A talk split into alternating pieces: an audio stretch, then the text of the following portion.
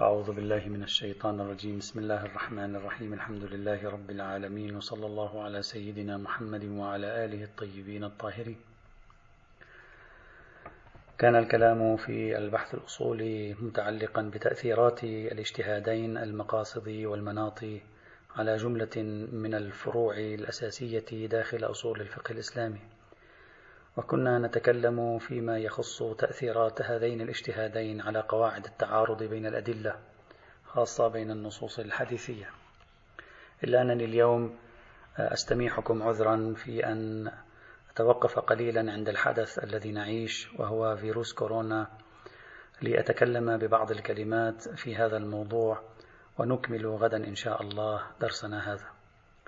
تعرفون إخواني الأعزاء نحن منذ أسبوعين أو أكثر ونحن يعني جالسون في بيوتنا في حجر منزلي بسبب غزو هذا الفيروس ما يسمى بفيروس كورونا المستجد غزوه مناطق شرق آسيا ثم بعد ذلك غرب آسيا وصولا إلى أوروبا ثم القارة الأمريكية. ومنذ ذلك الوقت ونحن يعني نجري هذه الدروس عبر الأونلاين ونكمل حياتنا بشكل طبيعي قدر الإمكان في هذا الإطار.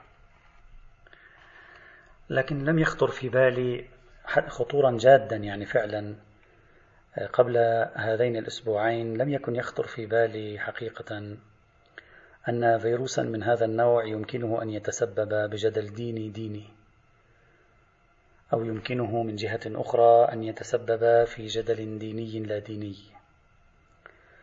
أنا واحد وأعتقد أنه يشاركني في ذلك كثيرون.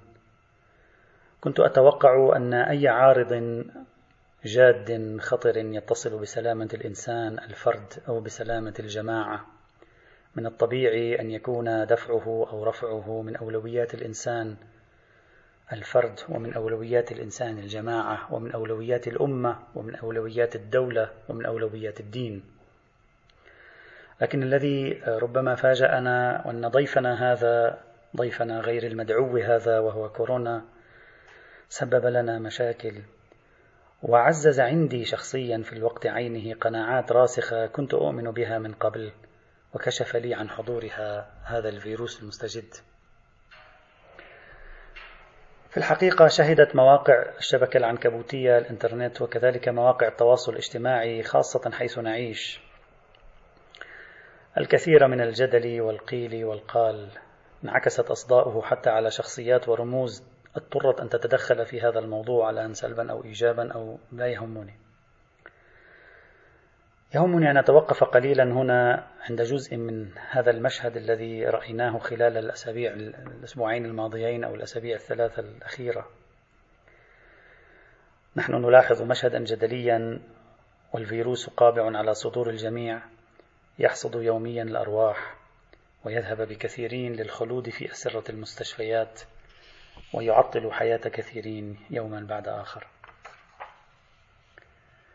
أول الظواهر وأهم الظواهر التي لاحظناها خلال الأسبوعين الماضيين هو ما أعتبره جرحا عميقا عقائديا وعاطفيا أصاب شريحة من الناس حتى أنه أصاب بعضا قليلا من رجال الدين ليس من طبقة كبار العلماء أو طبقة الفقهاء أو من طبقة يعني الفلاسفة أو المتكلمين أو المفسرين وإنما بعض ما هنا وهناك كان له آه، تأثر تأثر بهذا الجرح.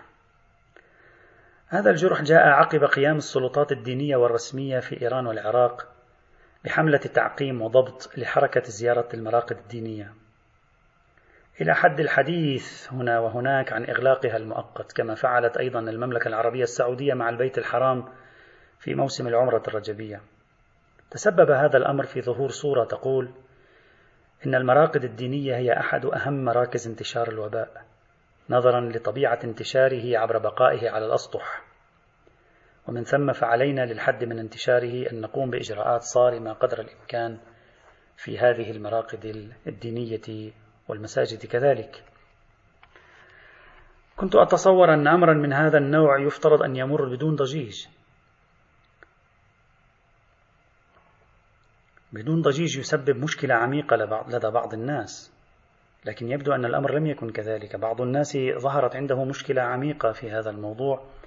نشأت من أن المراقد الدينية والمزارات تعتبر ملجأ الناس للعلاج من مشاكلها حيث يعجز الأطباء. كيف يعقل أن تتحول المراكز التي نذهب إليها للعلاج حيث, حيث يعجز الطب؟ كيف يمكن أن تتحول هذه المراكز والمراقد إلى بؤرة لإضرار الناس وقتلهم وغير ذلك. بؤرة تلوث هذا العنوان صعب نفسيا وعاطفيا.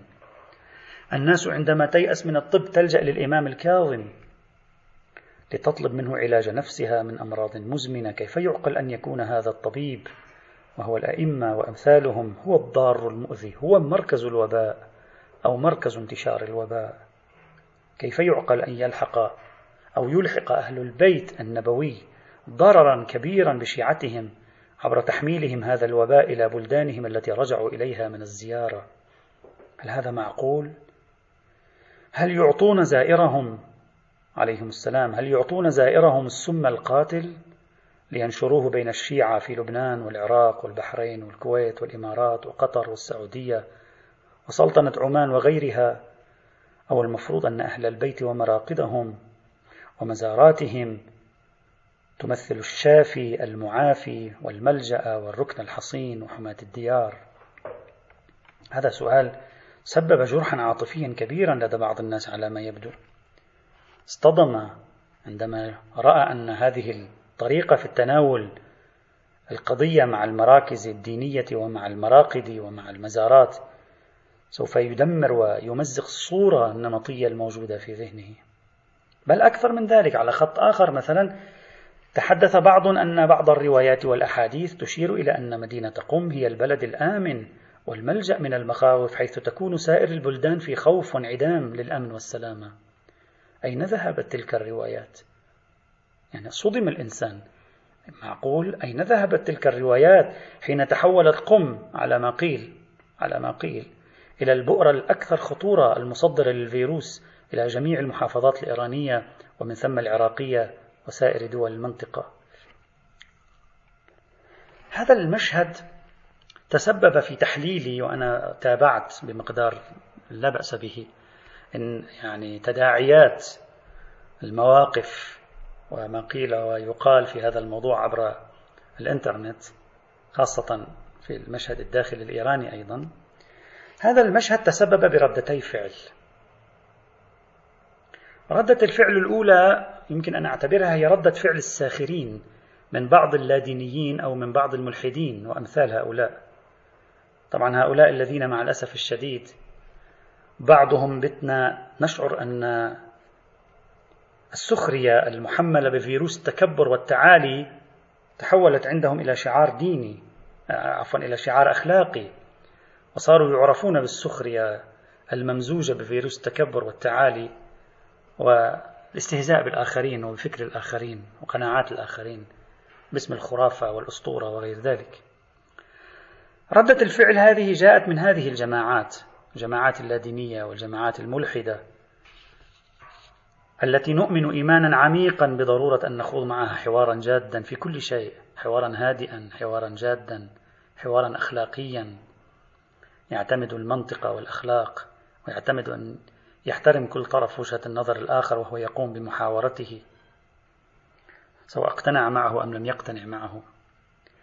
هذا الفريق كتبوا أن الفيروس لم يطل إلا المتدينين الذين يدعون أن الله معهم وأن كل أحاديثهم الدينية ومنظومتهم المذهبية هي منظومة خرافية أسطورية بائسة لم تتمكن من مواجهة فيروس كشف عورتها وفضح سترها.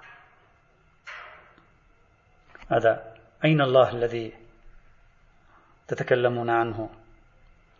أين النبي وأهل البيت والمزارات والمراقد هذه المنظومة الاعتقادية التي تتكلمون عنها؟ أين هي؟ ذهبت في الهواء. بل بعض هؤلاء زاد من نقده الساخر عندما قال بأن رجال الدين الذين لطالما دعوا الناس للمراقد الدينية وإحياء المناسبات المذهبية وقالوا للناس أن المراقد شفاء من كل داء. ها هم اليوم يهربون من المدينة المقدسة عندهم. يهربون من مدينتهم المقدسة ويفرون بأرواحهم ويتخلون عن عقائدهم الزائفة مما يكشف عن زيفهم وتضليلهم وكذبهم على الناس البسطاء.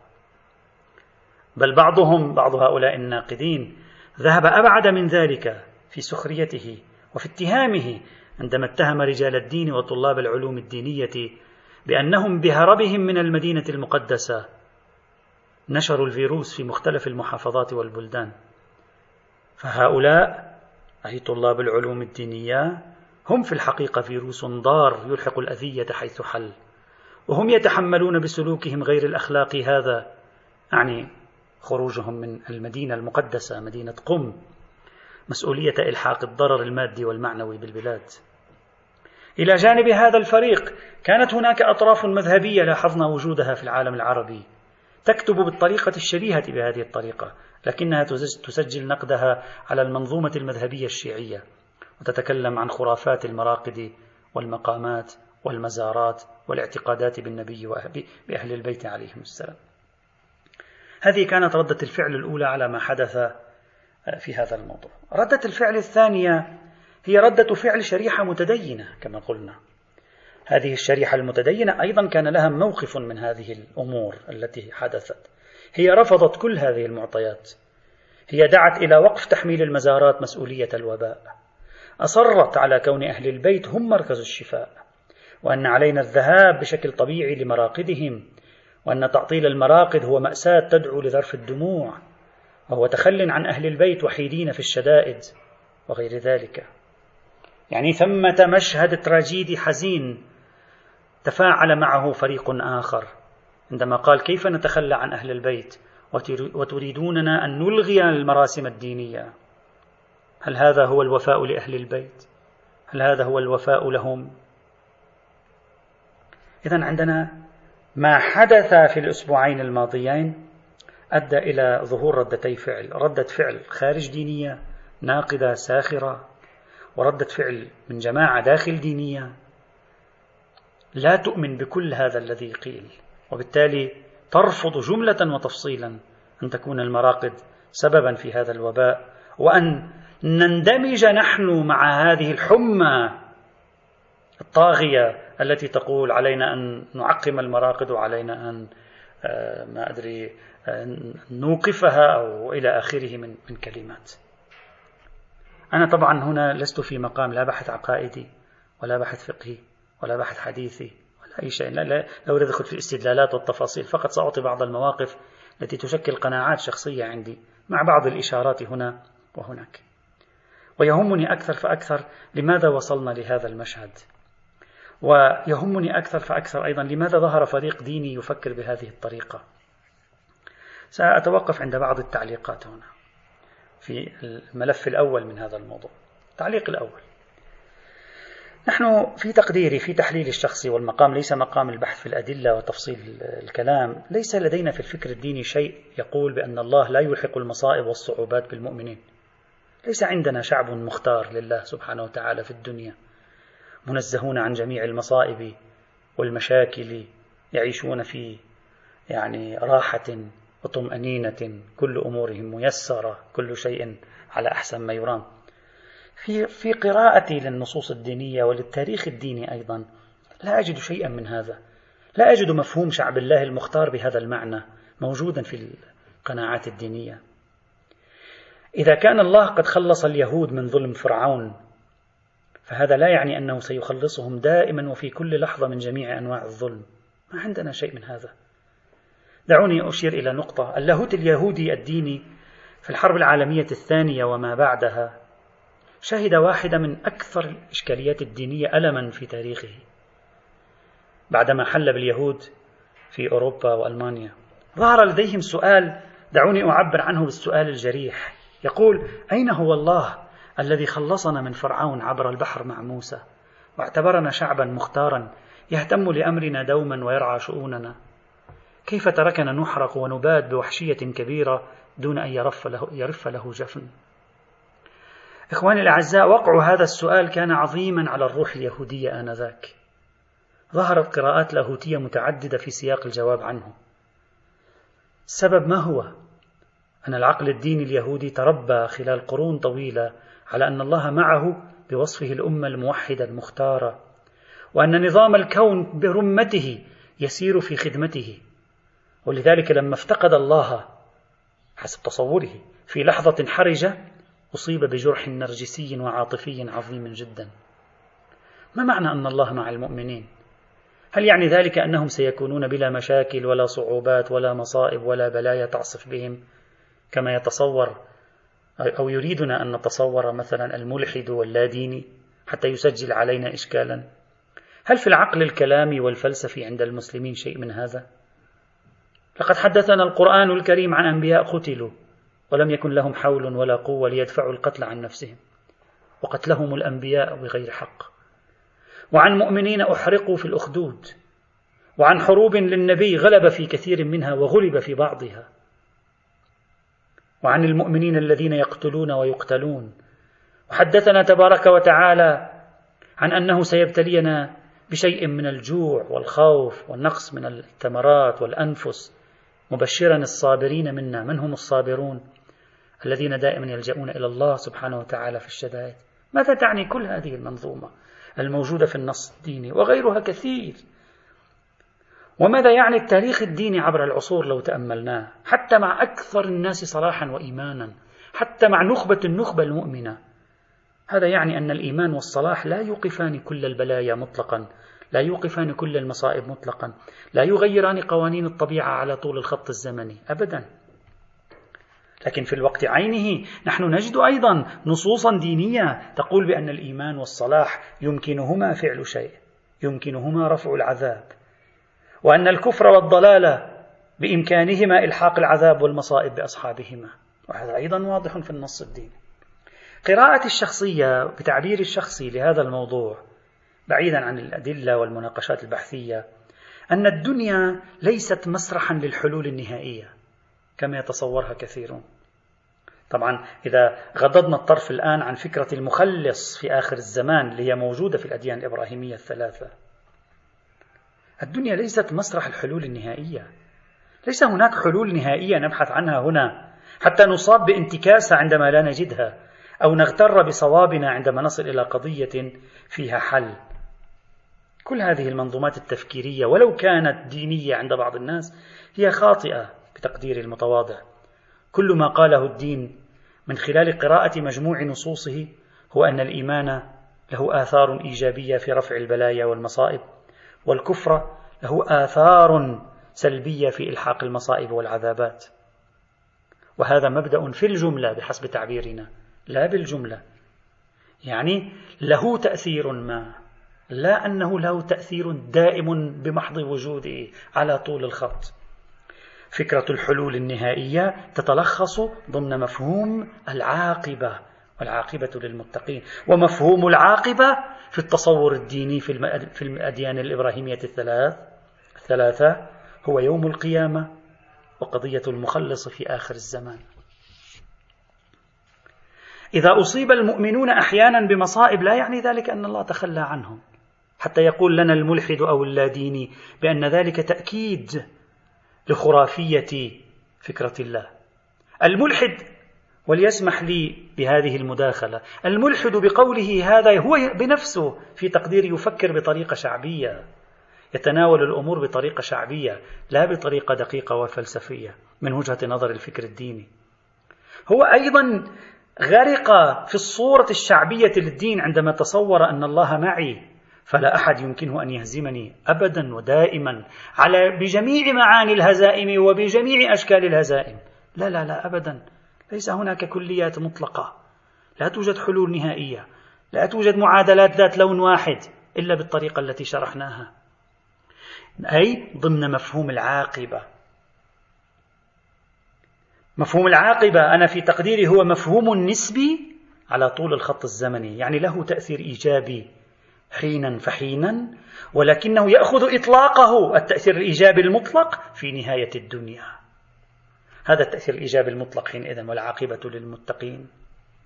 العاقبة للمتقين قبل نهاية الدنيا هي عاقبة نسبية يعني لهم حظ من التوفيقات ومن الخيرات التي يلحقها الله بهم. ولا يعني ذلك أن الله لا يبتليهم ليمحص إيمانهم أو ليطهرهم ويصفيهم. وأيضا غير المؤمن له حظ من الخيرات الدنيوية. نمد له ونستدرجه من حيث لا يعلم كما هي مفاد النصوص القرآنية. والله يمد له حتى ينزل عليه العذاب فيما بعد. له حظ من هذا. هذا الحظ في مقابله خسارة في الآخرة. وله أيضا مصائب في الدنيا تأتيه في بعض الأحيان. لا توجد هناك الصور أبيض وأسود بالطريقة الشعبية التي نحن اعتدنا على تناولها. أبدا في ذروة اللحظات التي نحصل فيها على كسب مادي بسبب الإيمان من الممكن أن تنقلب الصورة في لحظة ما. دائما في لحظة ما ممكن أن تنقلب الصورة. لا يأتينا غرور أبدا. قد تكلمت أنا عن هذا الموضوع في تحت عنوان أخلاقيات النصر والهزيمة. المؤمن في ظواهر النصر لا يصاب بالغرور. المؤمن في ظواهر النصر يبقى يتوقع أن الله سبحانه وتعالى في لحظة ما يمكن أن يفعل معه شيئا آخر. إخواني الأعزاء مشكلتنا أننا دائما نحاول أن نكتشف أسرار الفعل الإلهي. فعل الله سبحانه وتعالى كلياته نعرفها حسب ما أخبرنا هو.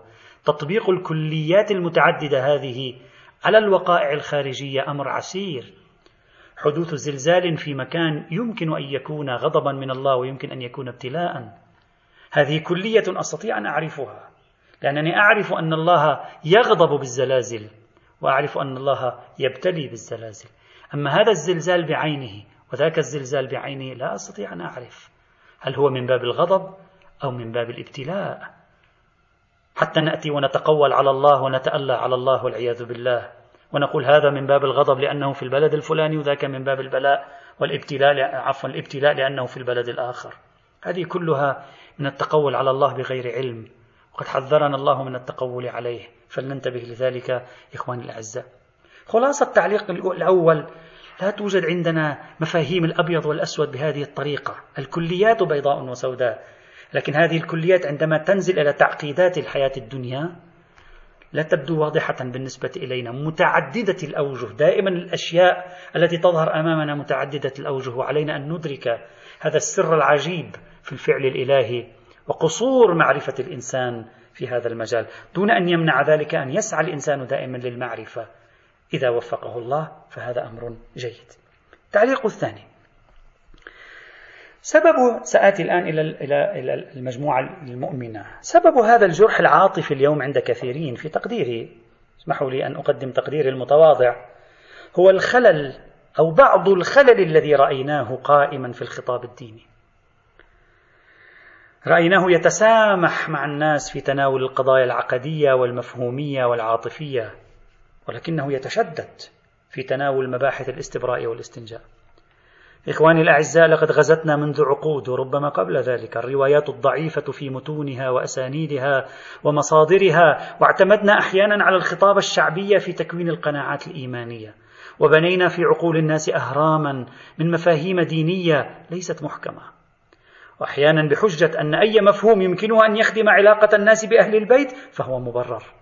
وتناقلنا بكل تسامح قصص الكرامات المنسوبة لأشخاص أو لأماكن. وركبنا روابط منطقية بين حوادث لا يوجد ترابط منطقي بين بينها. وتجاهلنا جيوشا من الخطباء والمنبريين والمتكلمين هنا وهناك في الفضاء المجازي وغيره يصوغون وعيا شعبيا. وبعضنا ساكت لسبب أو لآخر. وانتقدنا أولئك الذين كانوا يدعون دائما للتعامل العلمي المنطقي مع كل هذه الأمور.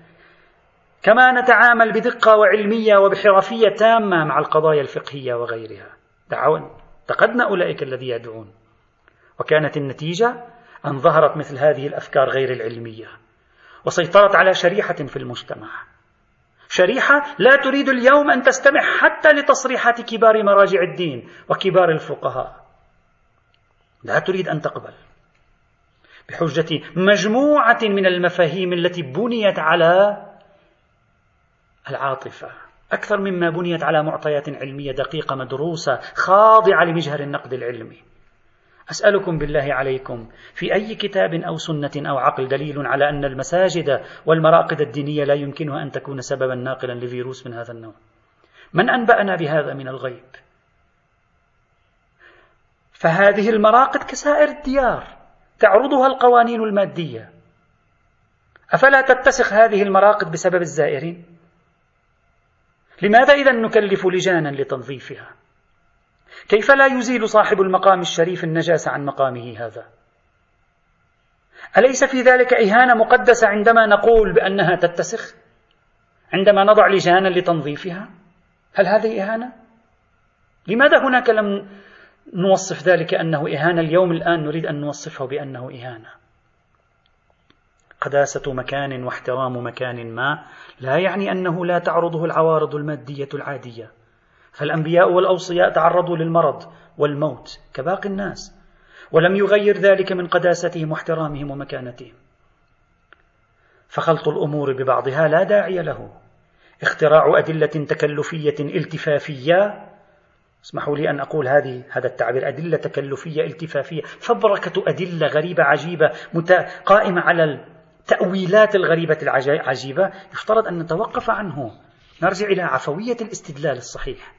من أسباب ذلك كله كما قلنا تساهلنا مع التكوين المفاهيمي والعاطفي والعقدي للناس.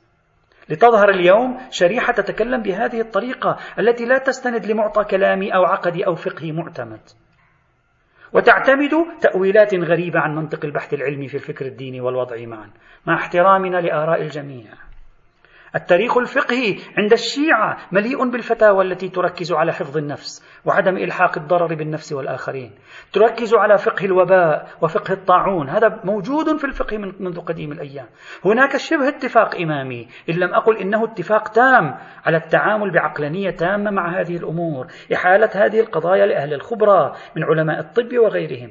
بل بتقديري لا أريد أن أدخل في تفاصيل بحسب مراقبة التاريخية الفقهية الفقه الشيعي في بعض المواقع متقدم في بعض الخطوات على فقه سائر المذاهب التي رأينا لها بعض الآراء ربما التي تبدو غير منطقية أيضا في موضوع مواجهة الأوبئة. وحتى اليوم فقد دعا العديد من الفقهاء والمراجع والعلماء للتعامل بعلمية مع هذا الحدث الجلل والالتزام بما تقوله الجهات الصحية في بلدانهم. وضرورة مراعاة ذلك ولو على حساب بعض الضيق في إحياء المناسبات وصلوات الجمعة والجماعات. وهذا هو الموقف الصحيح الذي يعرف عن الكثير من الفقهاء عبر التاريخ. أنا لا أنكر أن بعض فقهاء الشيعة في بعض الفترات الزمنية مثل العصر القاجاري بين قوسين واجهوا ظواهر الوباء تمت الدعوة لإقفال المراقد. في بعض الفترات بعض الفقهاء رفضوا هذه الدعوة لكن لم يكن منطلق رفضهم هو هذا.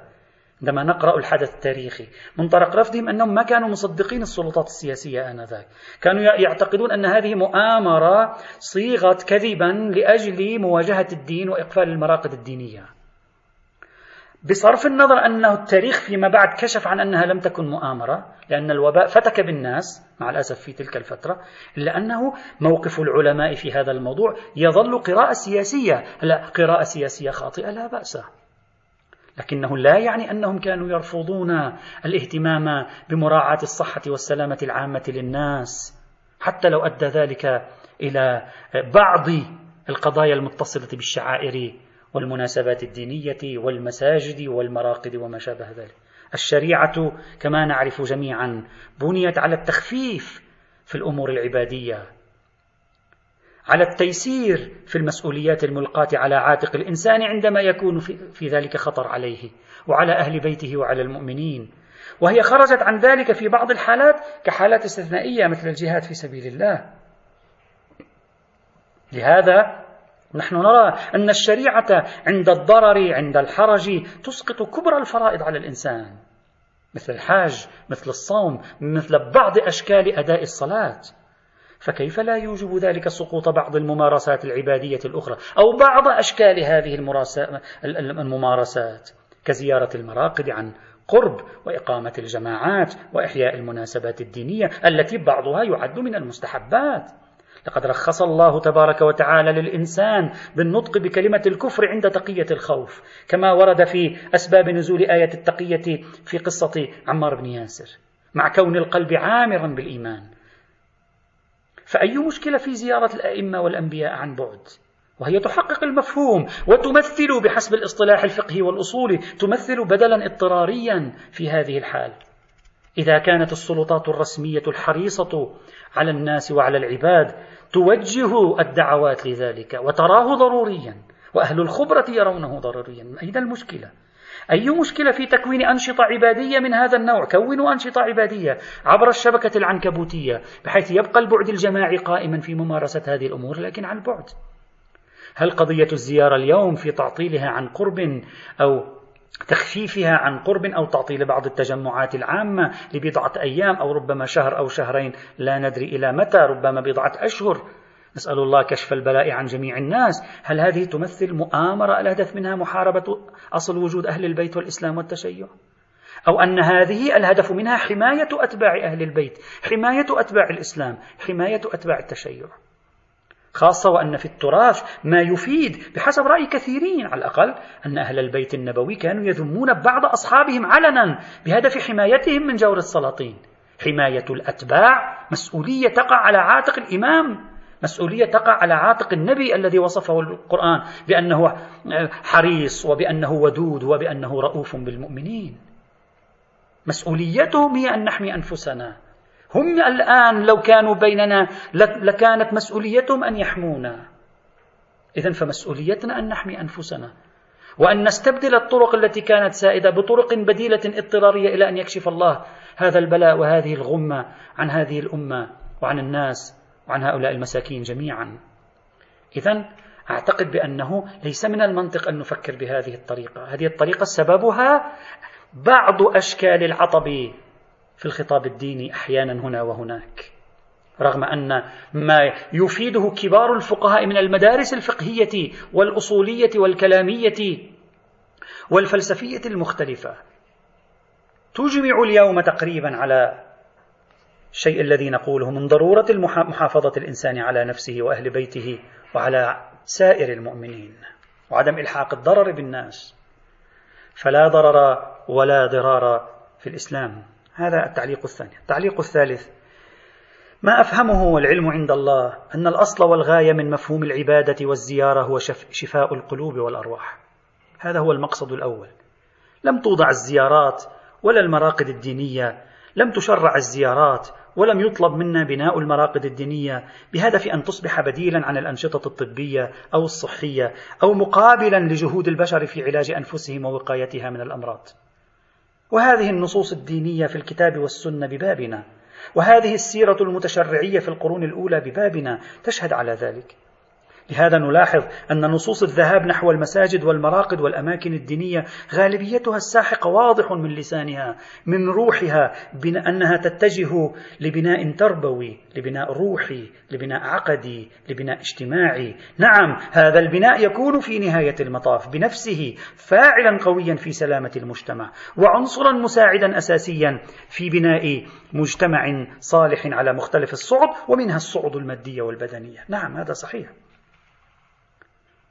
المقصد الأول والأهم من الأمور العبادية من صلاة وصوم وحج وزيارة وعمرة وما شابه ذلك هو المقصد الروحي التربوي البناء الاعتقادي الايماني لكن مع الأسف بعض الناس ربما اشتباها التباسا ربما أيضا اشتباه من بعض الذين يتصدون للخطاب الديني هنا وهناك بعض الناس هكذا يتصور عنده ثقافة أن هذه الأماكن كأنما هي بديل عن المستشفيات والعوامل المادية أو كأنني أذهب إليها إذا عجزت المستشفيات عن أن تنفعني في شيء.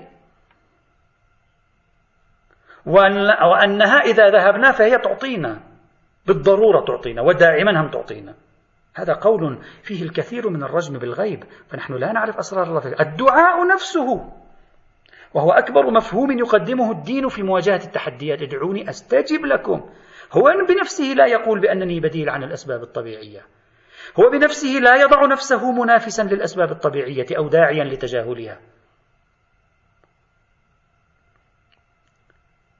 بل نعم الدعاء له آثار له نتائج. يتدخل أحيانا ويعطي تأثيرات مادية. ربما الزياره أيضا ربما صلاة الجمعة أيضا. رب ممكن. لا أحد ينكر هذا. في الجمله الكل متفق على التأثيرات المادية. العلاجية أيضا لمثل هذه الموضوعات. في الجملة الكل متفقون. ما أحد يناقش في الجملة. نحن نناقش بالجملة يعني بقول على مستوى القاعدة الكلية بحيث إذا هذه القاعدة الكلية خرقت في مكان ما أصبنا بجرح أصبنا بانتكاسة. لا القضية ليست كذلك. مثلا أصلا نحن عندنا مجموعة من الروايات الواردة في باب الأدعية في باب الزيارات. حتى بعض الروايات الواردة في الاستشفاء بالتربة الحسينية والكل يعرف أن رواية التربة الحسينية كثيرة. تفوق 25-30 رواية. نحن بحثناها مفصلا في باب الأطعمة والأشربة. هذه الروايات هناك تشير. تقول الدعاء وبعض الروايات أيضا التوكل الزيارة التربة. لا تقول بأننا نجعلها بديلا عن الأسباب المادية. نعم بعض القدماء من المتصوفة كانوا يتصورون الدعاء بديل عن الأسباب المادية التوكل بديل عن الأسباب المادية الأنشطة الدينية بديلة عن الأسباب المادية. هذا جدل قديم كان موجود في القرون الأولى. كتب حوله كثير تصدى الغزالي ومن بعد الغزالي الكتاب المفصل فيه في إحياء علوم الدين وغيره. لكن هل سمعنا يوما أن فقيها من فقهاء الإمامية الكبار أو فقيها من فقهاء الإسلام الكبار طالب بإغلاق المستشفيات ووقف علوم الطب والصيدلة والعقاقير وغيرها بحجة كفاية الدعاء والزيارة والتربة الحسينية الشريفة بقول مطلق؟ هذا الجدل اليوم يذكرني بجدالات عرفت في القرون الأولى وطواها التاريخ جدالات حول جدوى الأخذ بالأسباب الطبيعية بعضهم فهم من, من, من, من الدعوة إلى التوكل على الله والثقة بإجابة الله الدعوات فهم منه ما ينافي مفهوم اعقلها وتوكل. إذا علينا الأخذ بالأسباب الطبيعية. نعم نحن نتداوى بالأسباب الطبيعية والشفاء من الله وإذا مرضت فهو يشفين. أنا أتداوى الطبيب يداويني والشافي هو الله سبحانه وتعالى. هذا كله لا يعني أن هذه الأشياء لا دور لها. لا نقول إن الدعاء لا دور له لا نقول إن الزيارات لا دور لها لا نقول إن الأعمال العبادية لا دور لها لكن نقول لها أدوار ولعل أدوارها مشروطة بشروط قد تتحقق وقد لا تتحقق. كما أن هذه الأدوار لم يظهر أن النبي وأهل البيت دعونا لجعلها بديلا عن الأسباب الطبيعية. وهذه الروايات التاريخية والحديثية طافحة في الدلالة على هذا الأمر. فمن أين جاءت فكرة أن هذه المراقد هدفها تطبيب الناس ماديا بحيث إذا لم تحقق هي لنا هذا الهدف؟ تكون قد حققت نقيض وجودها وهدمت فلسفة وجودها. لا فلسفة وجودها هي الفلسفة المعنوية والروحية والتربوية والعقدية. تريد أن تضم إليها. وأحيانا التأثيرات المادية المباشرة بنحو الكرامة لا بأس. لا أنها عبارة عن شيء بديل عن الأسباب المادية. لا أنها دائما تعطي العلاجات المادية حتى إذا جاء الفيروس فيها وصارت تعطي هذه ليست هي التي تعطي وإنما ناقل الفيروس صار يضع عليها شيئا فصارت تعطي يعني ذلك أننا أصبنا بانتكاسة عقائدية. لا إخواني الأعزاء لا, لا توجد أي انتكاسة عقائدية هنا. لا, لا كل هذا المشهد لا لا يرد إشكالا أصلا على أي مفهوم عقدي موجود لا عند المسلمين ولا عند الطائفة الشيعية. حتى نتصوره على أنه صار إشكال عقائد. لا أي إشكال عقائد. لا ينافي أي من المسلمات وأي من الأمور الواضحة في هذا الإطار. هذه المراقد خلاصة كلامي هذه المراقد المطهرة وهذه الممارسات الدينية العبادية الهدف الأصل منها الجانب الروحي والمعنوي والإيماني والتربوي؟ ولها جوانب أخرى في الجملة تترك تأثيرات أخرى في الجملة. هذا هو. لا أن الهدف منها أنها مستشفى. بحيث إذا في يوم من الأحيان من الأيام صارت تعطي عكس ما تعطي المستشفى فإذا نحن أمام انتكاسة عقائدية. لا لا توجد انتكاسة عقائدية. حتى يتصور المتدين أنه أمام نكسة عقائدية ويسجل علينا الملحد واللادين وغير الإمام أحيانا على أنه هذا يؤدي إلى دمار مذهبكم. لا هذا يؤدي إلى دمار تصورات شعبية ربما طرحها بعض الخطباء هنا وهناك. وبعض المتكلمين هنا هناك في تربية شعبية وليس لها عمق ولا وجود في البنية الكلامية والفلسفية والفقهية. عند العلماء أرجو الانتباه جيدا إلى هذا آه، الموضوع. هذا مهم بالنسبة إلينا. ما يهمني أن أقول أيضا أن قيام بعض المتدينين في هذه الظروف بتصرفات مرفوضة عقلانيا وفقهيا ودينيا بعضهم ذهب عمدا يقوم بلعق العتبات ولحس العتبات والضرائح المقدسة أو يأخذ ابنه لذلك نكاية بفكرة الاحتياط من العدوى إذا كان بعض الناس يفعل ذلك. هذا لا يعني أيضا إخواني الأعزاء أن نقول هذه الأماكن لا بركة فيها كما بعض الناس قال. أنتم تذهبون لا أو أنها غير مقدسة. لا هي مقدسة وفيها البركة. وقد يكون لها دور مادي في الشفاء بنحو الكرامة أو بغيرها. لكن هذا أبدا وإطلاقا لا يعني أن هذا هو دورها الأساس على طول الخط وأنها بديل عن أسباب الشفاء الطبيعية. هي مثل المستشفى التي تشفي وتعالج ولكن في بعض الأحيان المستشفى بنفسها ربما يضربها فيروس. وهذا الفيروس لم يأتي من شخص الإمام الذي أفضل قداسة على هذا المرقد. أرجو الانتباه جيدا تفكيك المفاهيم جيدا. نحن نرفض سلب قداسة هذه الأماكن. وفي الوقت عينه نرفض هدر الأسباب المادية بحجة قداستها وطهرها. والربط ما بين كونها هي ملوثة بفيروس والإمام نفسه أو النبي نفسه صار ملوث بفيروس. فيروس يعني بما يجرح الشأن العقائدي أقول. هذا كله من خلط الأوراق ببعضها والتفكير بطريقة شعبية وخيالية. وفي الختام أضم, أضم صوتي المتواضع لكل صوت دعا لاتباع سبيل العلم والمعرفة في تناول هذه القضايا. وضرورة الاهتمام بالرعاية الصحية والتزام ما يقدمه الخبراء في هذا المضمار وعدم هدر ذلك كله مما نحن مسؤولون عنه شرعا. إخواني مسؤولون عنه شرعا. لا نهدر هذا كله بحجة بعض المفاهيم التي لم يقم عليها أي دليل علمي أو ديني ثابت. وقائع ما حدث في الأيام الأخيرة أكد لي أن شرائح عدة من مجتمعاتنا المسلمة ولو كانت محدودة بحمد الله لم تدخل بعد في عصر العلم بما له من مفهوم. العقل العلمي لم يعرفوه على ما يبدو حتى الآن بما له من مستلزمات ونتائج ومسارات ومآلات وأن بعض الشرائح يبدو أنها ما تزال أكثر أنسا بما أسمحوا لي أن أعبر عنه بعصر العاطفة والانفعال الوجداني. لا أريد أن أعبر عنه بما يريد الآخرون أن يعبروا عنه. يجب أن نحن لسنا ضد العاطفة والانفعال الوجداني لكن نحن ضد أن تكون العاطفة والانفعال الوجداني أساسا في بناء المنظومات العقدية والفكرية والفقهية والعلمية والكلامية والفلسفية. هذه هي النقطة الأساسية التي نريد أن نضيء عليها. أختم كلامي هذا بدعوة نفسي وأدعوكم إخواني أدعو الجميع للعمل على التقيد بما يقدمه أهل الاختصاص والمعرفة في هذه الأمور وعدم الاستهتار بشيء منها ولا تجاهلها بحجج دينية أو غير دينية واهية لأننا محاسبون ليس على الإضرار بأنفسنا فقط. وبأهلينا بل قد نضر بغيرنا من خلال نقلنا العدوى له من حيث لا نشعر. إننا مطالبون اليوم أن نرتقي ونرقى بمجتمعاتنا كي تصبح مجتمعات علمية منضبطة واعية تتعامل مع الأمور بوعي واحترافية بدل أن نخوض جدالات بيزنطية كما تسمى في قضايا جانبية والوباء يحصد الأرواح والأموال. إن ارتقاءنا لمستوى الوعي هذا وأخذنا بالسبل الاحتياط لمنع إيذاء أنفسنا والآخرين. هو في حد نفسه عبادة لو قصدنا به وجه الله سبحانه وتعالى.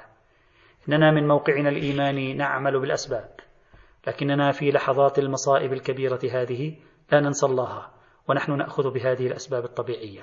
فهو مسبب هذه الأسباب والقادر على أن يغير من تركيبتها.